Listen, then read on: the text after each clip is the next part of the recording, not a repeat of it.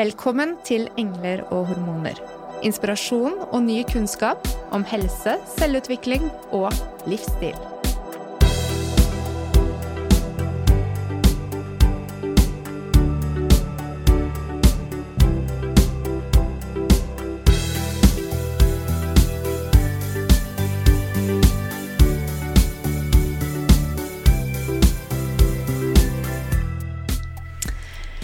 Velkommen til en liten etterprat med damene fra LKB.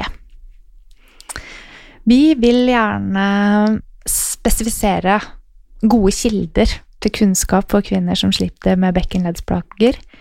Og så vil vi gjerne høre litt mer om hva er det som hjelper og inspirerer akkurat dere. Både når det gjelder arbeidet dere gjør, og gjerne som personer også. Så jeg kaster ballen til Vibeke. Jeg må ærlig si jeg brenner for å få lov å, å gi det en stemme. Eh, gi kvinner med bekkenleddsmerter en stemme. Det å vise at man kan leve godt på tross av, det er veldig viktig inspirasjon for meg, da, inn i mitt arbeid. Mm. Og jeg er så heldig at jeg får lov å skrive bloggen i LKB, hvor vi bruker egentlig mye av mine egne personlige erfaringer, men jeg ser at det treffer nerve hos folk, fordi det er temaer som er godt gjenkjennelige, sånn skam og ja, ikke tørre å stå i seg selv og sorg over det man opplever. Så det inspirerer meg å få lov å gi det en stemme. Fantastisk. Og deg som tekstforfatter finner vi på bloggen til LKB, som vi også linker til her i episodebeskrivelsen, for det er jo der vi finner mye av informasjonen deres også, Astrid. Ja, ja.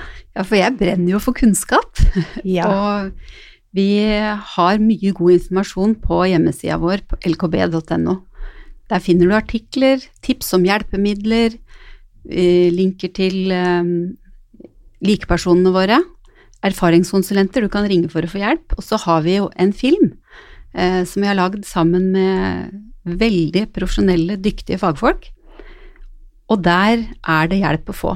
Og den filmen er ikke så lang, hvis du setter den på pause, så kan du faktisk få helt konkrete råd om hvordan du skal gå, eh, gode hvilestillinger og det å gjøre kloke valg i eget liv, og hva du trenger for å få hjelp. Så det er et verktøy du kan bruke. Så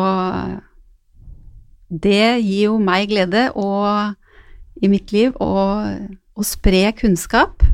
Og det å anerkjenne seg sjøl, og sånn som den bloggen vi har, det å lese at man ikke er aleine, eh, det gir trygghet til å stå i et liv med sykdom. Er det noen personer som dere vil fremheve som er viktige for dere i det arbeidet dere gjør? Jeg har jo flere der. Og ja. Britt Stuge er eh, en person som kommer eh, høyest opp på lista hos oss. Mm. Hun, er, hun, brenner for dette, har gjort hele sin yrkeskarriere og er eh, anerkjent internasjonalt med sin forskning og kompetanse. Det var vel der vår karriere startet, Ingvild, når vi intervjuet Britt Stuge for uh, tidsskriftet for Osteopatforeningen fem år siden. Mm -hmm. Hun er kunnskapsrik og veldig mm. engasjert. Og det er masse andre gode norske forskere på, på, området som er viktige for oss i LKB, og da kunne jeg liste opp mange navn lenge, men ja. Eh, jeg gir meg, eh, gir meg der. Ja. For meg så er det mye møte med kvinnene i foreningen og arbeidet vi gjør der, egentlig, som er en stor inspirasjon for meg, fordi jeg ser tematikkene de kommer opp i, da, basert på at de lever med en sykdom. Jeg forsto det på deg, Vibeke, som om du hadde et vendepunkt. At du hadde en endring i hvordan du så på livet ditt med plagene dine. Forsto jeg deg riktig da? Mm -hmm.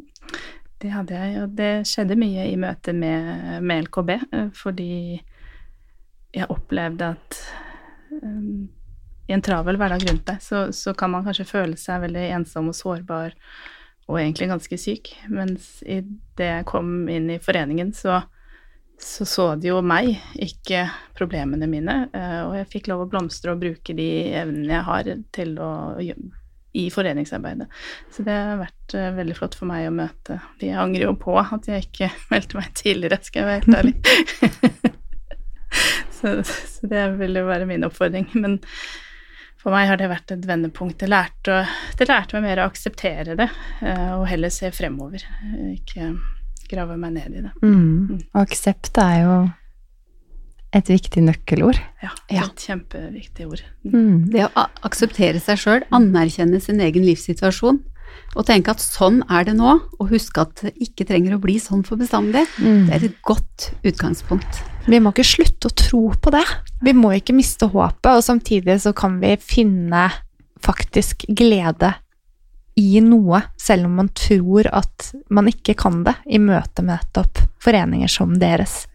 Så oppfordringen må jo være å ta kontakt Ta kontakt og velge hvilken stemmer du lytter til. Ja. Altså, også blant de du omgir deg til hverdag som ikke er en del av foreningen. Altså, jeg har et godt knippe venner som ser meg, istedenfor å lytte til de som mener noe om meg. Ja. Mm. Og det er vel en litt sånn gjenganger Hvis man går gjennom tøffere perioder i livet, så blir det en naturlig sånn filtrasjon, når man ser hvem som en velger å ha med seg videre og ikke. Mm. Ja, man må rydde litt i rekken, og hvem tar jeg med på hva? mm. Og det å ikke forvente at andre forstår hvordan du har det, men allier deg med dem som anerkjenner deg sånn som du har det i eget liv. Det tenker jeg er viktig, for vi kan ikke forvente at andre forstår oss. Vi skjønner det jo knapt sjøl. Det er vanskelig å forklare om plager du helst ikke vil ha. Mm. Da blir det jo veldig sant når du snakker om det. Og så er det jo fint at uh, gjennom LKB så får dere livet plutselig en, en ny u, uventet uh, retning og mening og ja. Det er verdifullt å møte andre i lik livssituasjon. Det å bli heia på, det å ha det gøy og moro eh, på tross av at en lever med smerter. Og da tar man med seg det hjem og blir tryggere på morsrollen, og det er mye positivt med det. Mm. Fint å ha noen søstre i ryggen. Mm. Tusen takk.